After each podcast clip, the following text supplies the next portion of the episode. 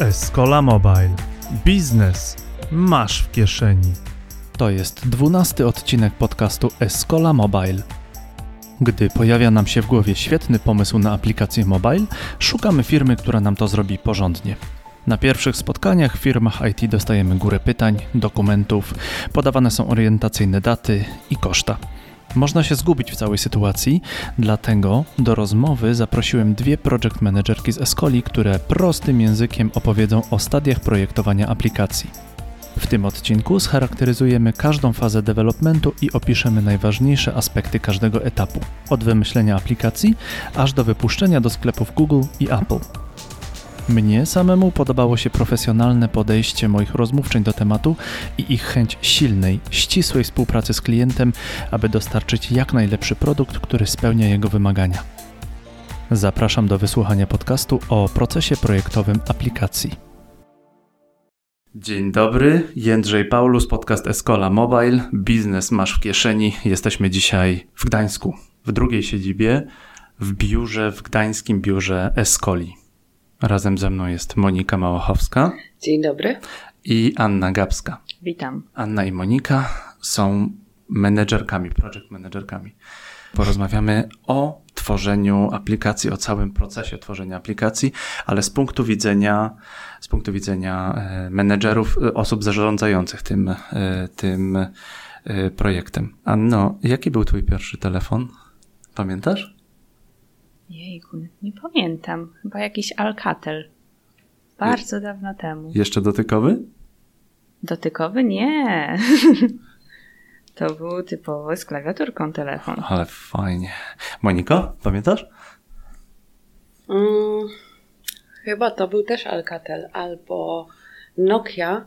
Znaczy na pewno pamiętam mój drugi telefon, Nokia, tą, która miała po boku klawiaturki. MP3 miałem, można było. Tak, tak też dokładnie. to miałem. Miałem coś takiego. Oj. Godzina muzyki tam mm -hmm. była. To mhm. było. Matko, wtedy przeżywałem fascynację zespołem Tool.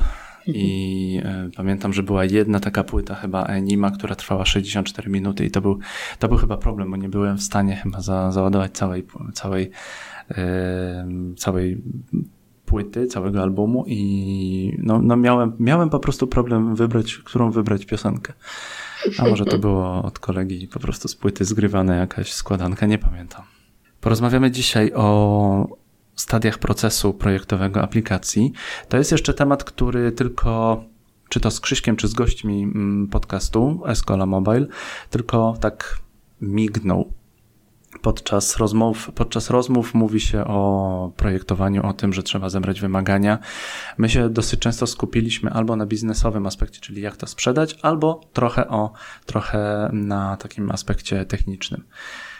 Więc teraz zamierzam wycisnąć z Was wiedzę jak, jak, jak z cytryny, jak, jak cytrynę.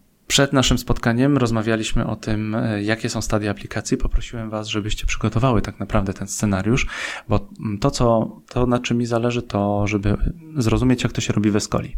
Mhm. W jaki sposób to, e, to się tworzy. Przychodzi do Was klient, mówi: Mam x złotych. Klient przychodzi po rozmowie, wyjaśnia się, że tak, robimy aplikację.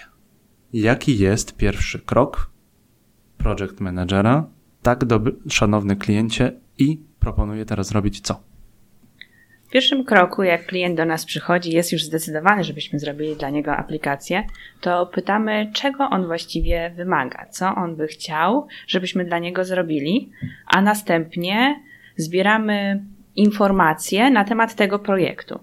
Ten krok może być dla klienta troszeczkę takim czasochłonnym zadaniem, ponieważ on musi nam szczegółowo opowiedzieć, jak działa proces w jego firmie, mhm. tudzież czego on oczekuje, a następnie my musimy zweryfikować, czy to, czego on oczekuje, to jest coś, co jest mu rzeczywiście potrzebne, ponieważ klient może mieć spojrzenie na swój projekt jakby od części biznesowej, a my musimy też patrzeć na to od strony projektowania systemów informatycznych.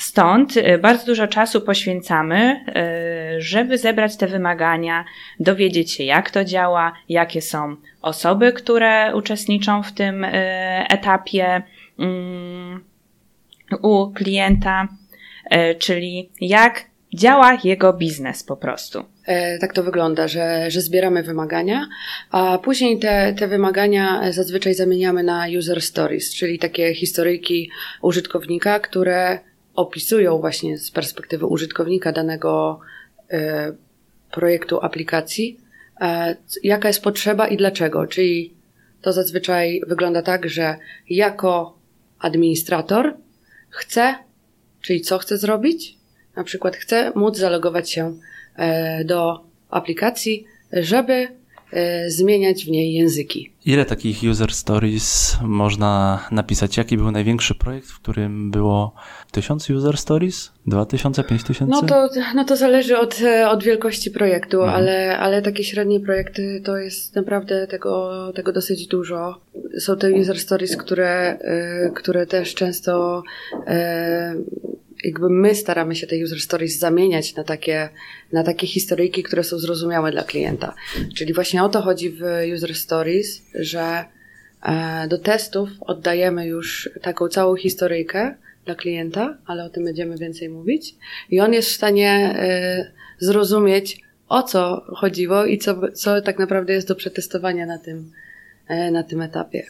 Chciałam jeszcze tutaj dodać, że mamy bardzo różnorodne projekty i my jako project managerowie, analitycy, musimy dokładnie zrozumieć tą nową dla nas branżę, więc istotne jest, żeby klient współpracował z nami i y, podawał nam jak najwięcej szczegółów, żeby ominąć niedomówienia z obu stron, bo później może się okazać, że my myśleliśmy, że coś działa tak i tak, a klient z kolei myślał, że no jak, powiedziałam wam, że inaczej działa. Mhm. Więc stąd jest ta analiza e, biznesowa przed rozpoczęciem programowania, e, żeby dokładnie zrozumieć biznes klienta. I tutaj oprócz tych user stories, o których mówiła Monika, często jeszcze możemy stosować e, diagramy przepływu, żeby zrozumieć, jak poszczególne informacje przepływają z jednej części systemu do drugiej, no bo robimy również skomplikowane projekty z różnych branż, tak jak podkreślam, więc istotne jest, żeby klient z nami współpracował, bo to jest dla jego dobra. Czy mogłabyś rozwinąć diagram przepływu, opowiedzieć opisowo, jak to wygląda? Troszeczkę to jest podobne do user stories, ale nie wchodzi aż tak w szczegóły. Mhm. E, bardziej się zastanawiamy, jaki jest proces i jak on wpływa na inny proces. I to rysujemy na tablicy, klient nam opowiada i później na tej podstawie, to jest jakby taki ogół, możemy tworzyć bardziej szczegółowy opis, czyli user storiesy. Z Krzyśkiem Wojewodzicem, z którym prowadzimy ten podcast, dosyć często w rozmowach pojawiają się warsztaty. Czy mogłybyście trochę rozwinąć temat warsztatów z klientem?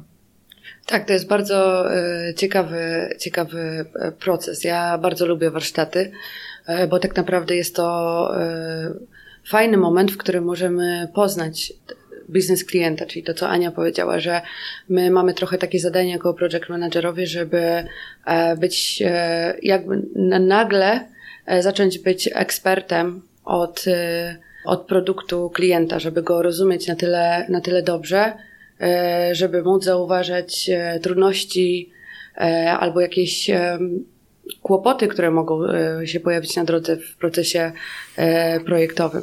W związku z tym te warsztaty, kiedy jesteśmy w stanie z klientem e, pobyć dwa dni, wiele godzin, są naprawdę dobrą okazją do tego, żeby, żeby zrozumieć, na czym, na czym polega, na czym polegają wymagania, na jaki ma być produkt i czego klient oczekuje. I warsztaty są różne. E, są warsztaty makietowania, znaczy warsztaty, na których próbujemy stworzyć e, e, makiety albo zarys, zarys aplikacji, a albo bardziej warsztaty, które budują te cele biznesowe, bo gdzieś klient nie miał tego sprecyzowanego, więc zadajemy trudne pytania, tworzymy persony, czyli te osoby, te wirtualne osoby, które wiemy, że mogą korzystać, które będą w przyszłości korzystać z aplikacji. Bardzo często na takich warsztatach może się okazać, że klient w swoim procesie ma jakiś problem, którego nie należy powielać w wytworzonej aplikacji, mhm. więc dzięki temu możemy również uporządkować pewne procesy biznesowe z klientem, tak żeby już ten stworzony przez nas docelowo produkt był po prostu lepszy i ułatwiał pracę w przyszłości klientowi. Moniko, ty wspomniałaś o makietowaniu aplikacji i to jest taki, mm, jakby można powiedzieć. Tak, to jest mój konik. Słucham cię. The floor is yours. Projektowanie funkcjonalne, makietowanie aplikacji. Tak, dla mnie, dla, dla, mnie bardzo ciekawym procesem i jakby ja dosyć mocno interesuję się user experience i tym doświadczeniem użytkownika. E, ja bardzo lubię ten etap e, makietowania, czyli tu tak naprawdę e, odbywa się większość projektowania. Mhm. Z dala od kolorów, od typografii, od takiego patrzenia graficznego na, na aplikację, ale tu właśnie określamy te założenia, procesy biznesowe, cele, które mają być e, zrealizowane. I jest to bardzo ciekawy etap, często przez klientów e, pomijany jako nieistotny, bo wydaje im się e, właśnie takim zbędnym, zbędnym wydatkiem. A tak naprawdę na tym etapie możemy bardzo, mamy bardzo fajną możliwość do tego, żeby zweryfikować różne rozwiązania, żeby sprawdzić, czy rzeczy, które sobie wymyśliliśmy, są, są dobre i łatwo, szybko je zmienić, bo makiety, makiety są e, łatwe, łatwe do zmiany. Jest to szybki proces, więc e, dużo łatwiej jest na tym etapie makietowania, kiedy nie ma zaawansowanej grafiki, a bardziej staramy się pokazać procesy i jakieś, e, jakąś drogę użytkownika przez aplikację. Na tym etapie testować różne rozwiązania. Wspomniałyście też o backlogu. Proszę mi powiedzieć, co to jest, tak? Jeśli, jeśli ja bym był człowiekiem, który pierwszy raz to słyszy. Tak jak w poprzednim e, etapie dotyczącym analizy omawiałyśmy user storiesy, to możemy powiedzieć, że backlog składa się właśnie z takich user storiesów. Ale jaki to ma przekład dla takiego normalnego użytkownika? Otóż każdy user stories to są tak naprawdę zadania programistyczne, które należy wykonać, mhm. żeby zrealizować jakąś taką właśnie historkę, historyjkę użytkownika, jak coś działa, jak jakiś proces działa. W związku z tym my wkładamy to do takiego specjalnego worka w programie do zarządzania mm, projektami, Na który przykład? się nazywa Jira mhm. w naszym przypadku. E, I zanim w ogóle zaczniemy jakiekolwiek programowanie, musimy mieć uzupełniony ten backlog, backlog czyli stos zadań, które należy wykonać w odpowiedniej kolejności, mhm. tak żeby zrealizować wymagania klienta. Wracamy do makietowania. Chciałem nawiązać do, do makiet. Mówiłaś, że makiety to nie jest taka już gotowa aplikacja, to, jest, to są te takie, takie momenty, które trzeba opisać, tak coś się wyłania, coś, coś, coś się wykluwa z tego jajka.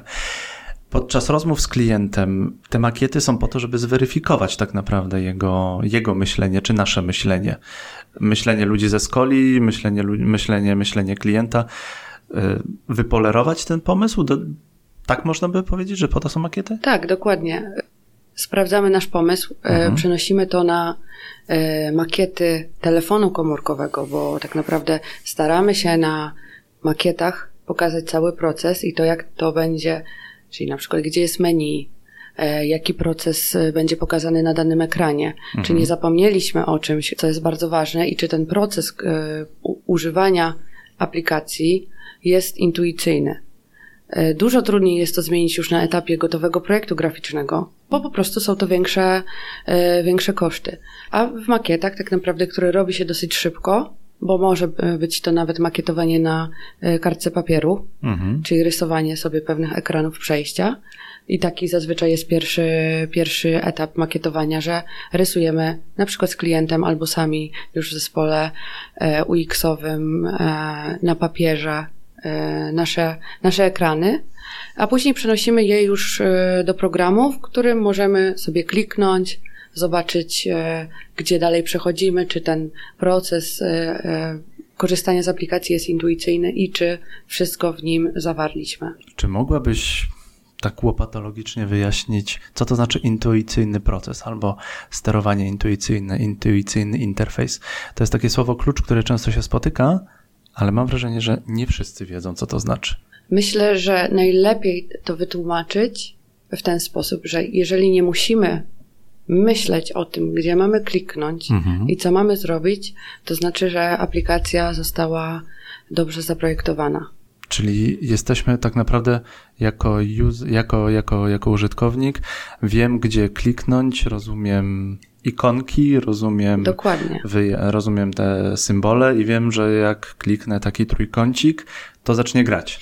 Tak, dokładnie. I e, jakby też nie zastanawiam się, Czyli często w aplikacjach ja na przykład tego bardzo nie lubię, mhm. kiedy czuję się głupia e, prze, przez aplikację, że tak jest zaprojektowana, że ja nie mam problemu z korzystaniem z, z aplikacji różnego typu, ale są takie rozwiązania, które sprawiają, że, yy, że czuję się nie, nie, no, no, nie wiem, co mam zrobić. A jak się czujesz jak się czujesz niekomfortowo, że tak powiedzmy, jak się czujesz, niekom... jak się czujesz niekomfortowo, korzystając z aplikacji, no to, to nie chcesz z niej korzystać. Dokładnie. Czyli tak naprawdę pieniądze poszły w błoto, pieniądze twoje, pieniądze klienta. Dużo jest takich momentów typu wow, aha, podczas, podczas makietowania aplikacji? Czy to y. twoich, czy to, czy to klienta? Dużo jest y, takiego wspólnego myślenia nad tym albo zastanawiania się, jakie rozwiązania będą najlepsze, żeby ten proces pokazać. Więc to jest taki bardzo ciekawy proces zamiany dokumentacji e, na, rzeczywistą, na rzeczywiste rozwiązania w aplikacji, więc to jest bardzo ciekawe. I czasem trzeba, e, trzeba e, wielu godzin, żeby, żeby to jak najlepiej ugryźć, a później okazuje się, że może być zupełnie E, łatwiej, że jest zupełnie łatwiejszy sposób i właśnie na przykład wpada na to klient. To, to, to różnie bywa. Ja myślę, że taki proces tworzenia makiet dla klienta jest e, bardzo ciekawy ze względu na to, że to jest tak jakby pierwsze zderzenie z tą nowo tworzoną aplikacją, mhm. z tym, co on nam opowiadał, pisał w dokumentacji i nagle dostaje obraz, jakieś ekrany, makiety, gdzie może rzeczywiście zobaczyć, do czego dążymy, co chcemy zrobić. Czasem jest och, ach, a czasem klient nam wręcz pomoże ten proces jeszcze uprościć, ponieważ zna swój biznes. I wtedy dochodzi do tego momentu, kiedy zaczynacie robić projekt graficzny. Makiety, coś się wyłania. Najpierw zebraliśmy, zebraliśmy, omówiliśmy potrzeby klienta, tworzymy makiety, coś się wyłania. Zaczynamy chyba się z klientem rozumieć. Klient mówi OK, już mi się zaczyna podobać. Na razie robimy taki happy path taką, taką, taką złotą, złotą drogę. E, robicie podział, e, podział, projekt graficzny z podziałem na ekrany. Dokładnie. Wtedy następuje etap e, projektowania graficznego, czyli makiety trafiają do, do działu graficznego, w i ten dział graficzny stara się albo na podstawie identyfikacji dostarczonej, identyfikacji wizualnej dostar dostarczonej przez klienta, e, albo jakichś wymagań, e, badań e, różnych, na przykład z użytkownikami, jakich kolorów użyć, jaka typografia będzie najlepsza. Te makiety zaczynają po prostu dostawać kolorów, zostają pokolorowane, zostaje im nadany charakter, bo to, co jest ważne, to to, że makiety e, te, te funkcjonalne nie mają, e, są zazwyczaj szar, szare mhm. i one nie mają jakby w ogóle skupiać się na jakby aspekcie wizualnym, tylko raczej pokazywać proces. Więc tutaj zaczyna dziać się magia, w której, w której dział graficzny sprawia, że ta aplikacja dostaje te, tego, tego pięknego, e, pięknego, użytkowego również e, wymiaru. A jakich programów używamy do projektowania? Mm, do projektowania mm, to, to zależy tak naprawdę od, e, od firmy i od, od tego, co, jak, jak grafik lubi pracować, ale z takich trzech, trzy większe programy, no to jest Photoshop, Adobe Illustrator albo Sketch. Mhm. I tego używają wasi ludzie. Tak, tak, dokładnie. Tu, tutaj w Escoli w Gdańsku. Mhm. Identyfikacja wizualna. Czy to ja jako klient dostarczam nie wiem, fonty, kolorki, czy, czy wy mi zaproponujecie? Jak to, jak to wygląda? To, no to zależy od, y, od wymagań klienta. Mhm. Często jest tak, że jest już pomysł na nazwę, y, ale identyfikacja wizualna do aplikacji e, jest troszeczkę inna niż na przykład aplikacja wizualna do, dla firmy, czyli tutaj nie robimy e, projektu wizytówek, e, projektu logotypu, bo na przykład w aplikacji używamy tylko skróconego logotypu ikonki, którą widać na ekranie. E, więc jest to trochę inny, inny typ e, identyfikacji wizualnej, ale trzeba zaprojektować kolorystykę, wybrać typografię, e, zaproponować ikony aplikacji, zaproponować animacje, jakie będą w, w na przykład ekranach przejścia pomiędzy procesami. Także jest to dużo, dużo tego typu koncepcyjnej pracy. Wtedy trzeba wiedzieć dokładnie, co się dzieje. Trzeba to przewidzieć, czyli trzeba mieć jakiś zmysł artystyczny? Jak użytkownik będzie reagował na dany kolor? Yy, dokładnie tak. To jest psychologia koloru, to mhm. jest bardzo, to jest bardzo ważny, ważny dział. Yy, no i graficy zazwyczaj yy, tak, takie rzeczy wiedzą, co jest, co jest lepsze, jakie kolory są lepsze, jakie, jakie są trendy również w projektowaniu. Także Zrobiliśmy analizę wstępną, zaprojektowaliśmy makiety, dochodzimy do tego, że już nam się wyłonił projekt. Mamy projekt graficzny tej, e, tej aplikacji. Wiemy, jakie kolory, jakie są czcionki, jak to będzie wyglądać, jak to będzie działać, czy jest to intuicyjne, czy nie. I teraz mięso. To jest mój ulubiony element y, mój ulubiony etap projektowania aplikacji, ponieważ w tym momencie wchodzi nam dział już taki czysto techniczny, czyli deweloperzy. E, programiści dostają e, projekt graficzny, e, który jest udostępniany im przy użyciu programów Zeppelin lub Avocade i następnie mogą programować poszczególne user storiesy, które są rozwijane na stage'u. Tam rozwijamy funkcjonalności. Gdy poszczególny user stories zostanie już skończony przez programistów, przechodzi on na e, kolejne środowisko, czyli na środowisko testowe, gdzie możemy wewnętrznie sprawdzić tę część aplikacji, a następnie udostępnić ją klientowi, jeżeli pracujemy w modelu typu Agile. Mhm. Jeśli pracujemy w modelu kaskadowym, waterfallu, to klient dostaje całą aplikację na samym końcu do testowania. Jednak my u siebie wewnętrznie możemy poszczególne elementy testować wcześniej. Mhm. Z Waszego punktu widzenia, z punktu widzenia osób zarządzających, dlaczego ten agile'owy model jest wygodniejszy zarówno dla Was, jak i do, dla klienta? Myślę, że to jest głównie z tego powodu, że mm, ten proces projektowy ewoluuje mhm. i on się zmienia. E, I Agile pozwala na to, żeby się dopasowywać do tych e, zmian, które to podejście agile'owe pozwala dopasowywać się do, do zmian, które następują w czasie procesu projektowego, że wymagania odbiorcy czy wymagania klienta się zmieniają.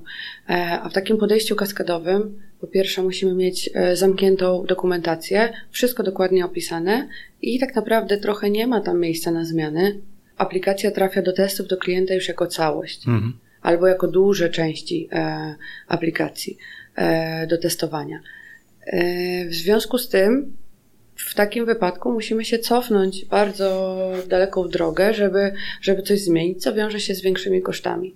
W podejściu agile'owym mamy tą możliwość, że bardzo szybko rzeczy trafiają do testów do klienta i możemy reagować na, na zmiany potrzeb. Aniu, jeszcze chciałbym wrócić do stage'a, do mhm. rozwijania funkcjonalności.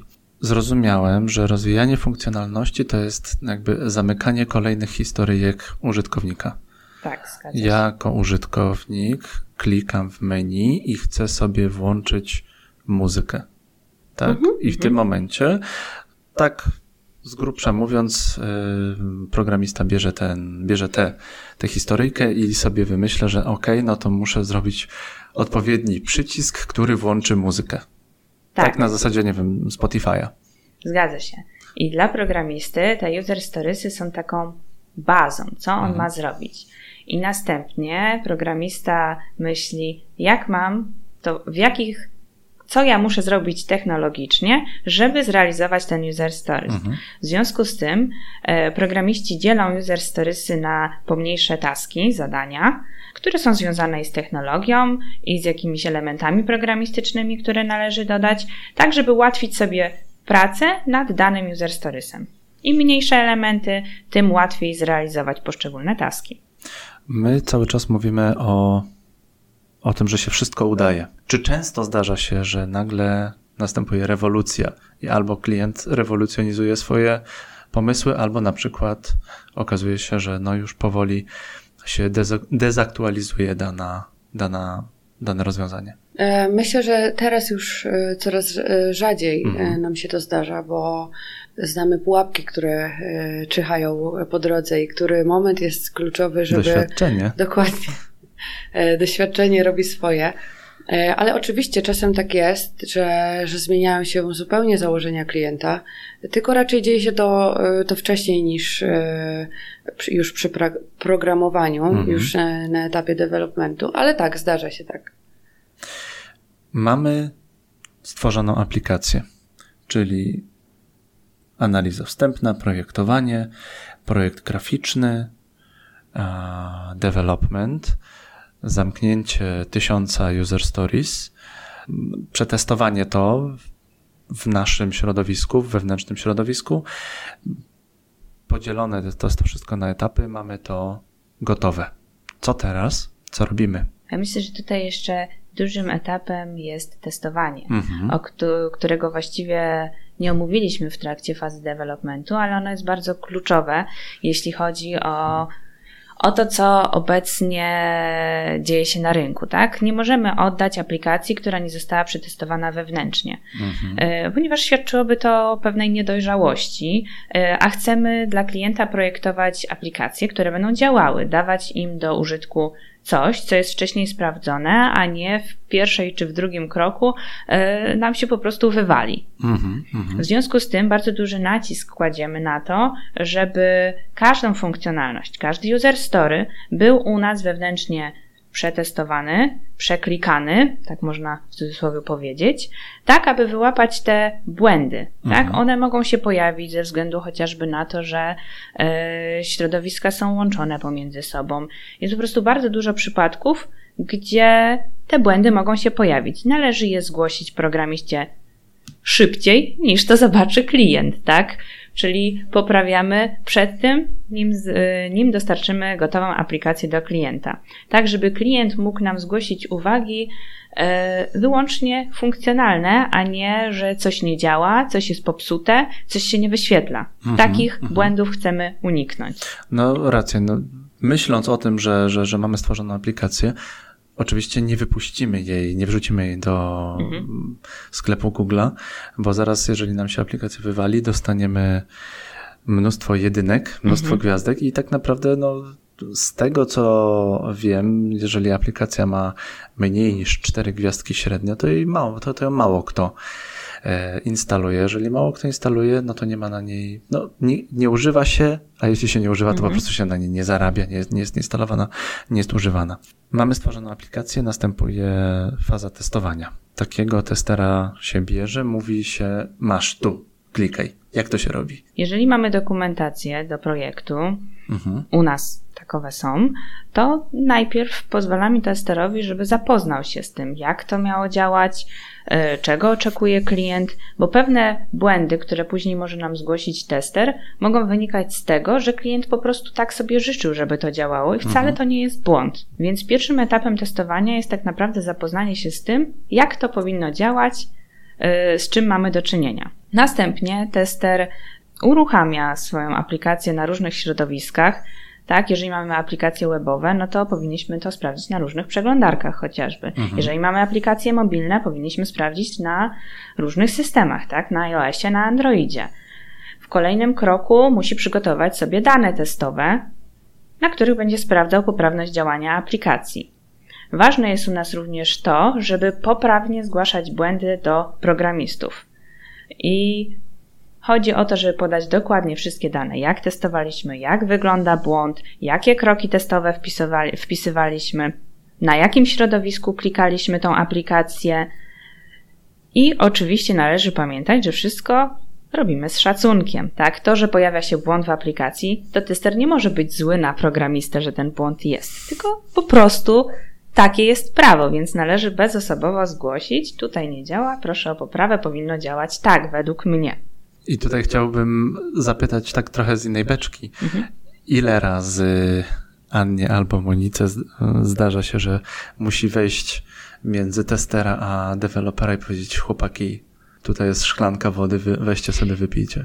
To jest w ogóle bardzo trudny moment. E, myślę, że teraz już e, w naszej firmie nie występuje, ale trudnym momentem jest dla e, programistów, żeby nie brać osobiście uwag mhm. od testera. O to właśnie mi chodziło.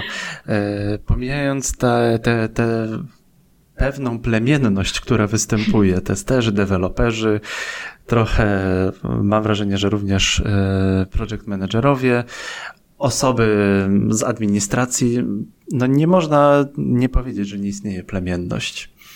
A chyba najwięcej się ściera w tym momencie tester developer w firmach IT. Takie mam, takie, takie mam wrażenie. Tak, ale należy pamiętać, że wszyscy gramy do wspólnej bramki, tak? Mhm. I nie możemy po prostu budować wewnętrznych konfliktów, skoro po prostu naszym głównym celem jest dostarczenie aplikacji do klienta, działającej aplikacji mhm. do klienta.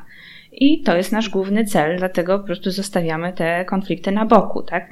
Tak jak Monika powiedziała, nie, programiści nie traktują znalezionych błędów personalnie. Bardzo ciekawe myślę, podejście. Myślę, że też ważne jest oprócz tego, co Ania powiedziała, mm, to też ten moment, kiedy dajemy po prostu komuś, kto zupełnie nie zna dokumentacji, nasz produkt do przeklikania. E, czyli sprawdzamy, czy dla niego to, co tam zostało wytworzone, jest logiczne, czy działa, czy on rozumie, o co chodzi. Mhm. Więc to też jest bardzo ważny moment e, testowania. Bardzo często przy tego typu testach eksploracyjnych mogą e, pojawić się ciekawe przypadki, których osoba czytająca wcześniej dokumentację mogła nie zauważyć. E, w związku z tym to też jest cenne doświadczenie, żeby osoba tak jakby troszeczkę z zewnątrz, powiedzmy, projektu, przetestowała aplikację. Mhm. Tester manualny, tester automatyczny, robienie, te, robienie testów manualnych, robienie testów automatycznych. Kiedy wystarczy tak naprawdę przeklikać aplikację, a kiedy trzeba to automatyzować. Możesz wyjaśnić? Wszystko zależy od budżetu projektu, tak mhm. naprawdę, od tego, jak on jest rozbudowany. Czy robimy prostą aplikację, gdzie spędzimy dużo mniej czasu na przeklikaniu jej, na testach e, manualnych, e, czy też jest to aplikacja złożona, gdzie zdecydowanie e, warto zainwestować w testera automatycznego, który automatyzującego, mhm. który napisze testy, będzie je sprawdzał, uaktualniał ma to sens, ponieważ jest bardzo dużo ścieżek, które należy wykonać, żeby sprawdzić, czy aplikacja działa. Więc wszystko zależy od tego, jak mamy rozbudowaną aplikację. Ale jak najbardziej dla aplikacji, które są złożone, które wymagają e, na przykład wielu kalkulacji, piszemy te testy i często piszą je również deweloperzy już na etapie programowania, jako unit testy. Mhm. Z kolei, jeżeli aplikacje są mniejsze, po prostu robimy testy manualne. I dochodzimy do, do tego wspaniałego momentu, że mamy aplikację, która spełnia pomysł, wypełnia pomysł klienta, która mm, temu klientowi da, daje pewną satysfakcję. Jest ona dobrze zaprogramowana, spełnia wymagania klienta, przetestowana. I w tym momencie możemy ją wypuścić i pokazać światu. Tak, tak, tak to właściwie wygląda ten ostatni, e, ostatni proces wdrożenia aplikacji, na przykład dodając ją do sklepu Google czy, czy do sklepu e, do App Store. To już, e, to już jest ten moment, kiedy, e, kiedy my obserwujemy, jak, jak aplikacja się zachowuje, patrzymy, czy nie trzeba jakichś rzeczy jeszcze poprawić, ale zazwyczaj to no, Wiadomo, czasem rzeczy, czasem rzeczy wymagają jeszcze, jeszcze zmian już w tym środowisku live, kiedy, kiedy są w wielkim świecie. Razem z klientem czuwamy nad e, tym, żeby aplikacja miała się dobrze. Jak się, jak to się robi? Oprócz, co, wystarczy aplikację wrzucić na konto Google'owe czy Apple'owe? W jaki sposób się pokazuje aplikację światu? Wrzuca do sklepów? No, to, to, to jest y, skomplikowany proces y, wrzucania aplikacji y, do sklepów zgodnie z, wy, z wytycznymi mhm. Google Play czy App Store. App Store oczywiście jest dużo bardziej trudny, jeśli chodzi o dodawanie aplikacji. E, dużo, ma dużo więcej procesów, które trzeba spełnić, żeby aplikacja się tam znalazła. E, no ale no, oczywiście jest ten etap promocji, który już zazwyczaj leży po stronie klienta, bo, e, no bo, no bo to już jest poza, poza naszymi, naszymi wymaganiami klienta w stosunku do nas. Gdybyście miały tak od serca przekazać coś klientowi, który przychodzi do Escoli, to co by to było? Tak, taka dobra rada, która potem, która potem tworzy fajny klimat współpracy z klientem, albo taka rzecz, którą, której bardzo często ludzie zapominają, a potem to się na przykład za 3-4 stadia wywala. Myślę, że bardzo dobrym pomysłem i taką myślą, która, e, która e, mogłaby towarzyszyć klientowi, jak przychodzi e, do nas i chciałaby, i chciałby u nas wykonać swój produkt, jest to, że my na ten czas projektu stajemy się zespołem. Mhm. I dużo łatwiej pracuje się w takiej relacji partnerskiej, w której e, my mamy otwartość komunikacji, możemy e, się traktować na zasadach partnerskich, a nie na takiej komunikacji pionowej. No bo to my jesteśmy ekspertami od mobile, ale klient jest ekspertem od swojego e, produktu i tylko e, to połączenie da tak, na, tak naprawdę nam dobre rezultaty. Właśnie ta relacja partnerska to, że tak jak już wspominałam raz, gramy do wspólnej bramki, tak? Naszym celem jest, żeby mieć dobrą aplikację, dobrze zaprojektowaną technologicznie, ale również biznesowo. I ten biznes zna klient. Mhm. I klient musi z nami współpracować, ponieważ tak naprawdę od niego będzie zależało, jak te wszystkie procesy będą wyglądać w aplikacji. Także powinien włożyć w dużo serca w ten proces, ponieważ to zaprocentuje w przyszłości, gdy będziemy mieć już stworzoną aplikację. No to ja Wam życzę świetnych klientów, szybkich procesów, tworzenia aplikacji, mądrych procesów, świetnie przetestowanych i żeby się tak zbytnio Apple nie czepiał, tak jak się ostatnio, ostatnio czepia. Sam to, sam to niedawno widziałem. Gośćmi podcastu Escola Mobile była Monika Małochowska i Anna Gabska, project managerki z Escoli, z Gdańskiego Biura Escoli, skąd Was serdecznie pozdrawiamy. Do usłyszenia. Pozdrawiamy. Dziękujemy. Escola Mobile. Biznes masz w kieszeni. Dziękujemy za Twój czas. Jeśli w Twoim otoczeniu są osoby, które mogłyby skorzystać z naszych pomysłów, przekaż im link do tego podcastu. Udostępnij na fejsie, na LinkedInie, na Twitterze, opowiedz o tym podcaście swoim znajomym. 5 gwiazdek i komentarz na iTunes pomaga w dotarciu do nowych osób zainteresowanych biznesem mobile. Jeśli masz jakieś pytania, chętnie na nie odpowiemy. Na Facebooku bądź LinkedInie. Linki są w opisie. Dzięki za Wasz czas i do usłyszenia.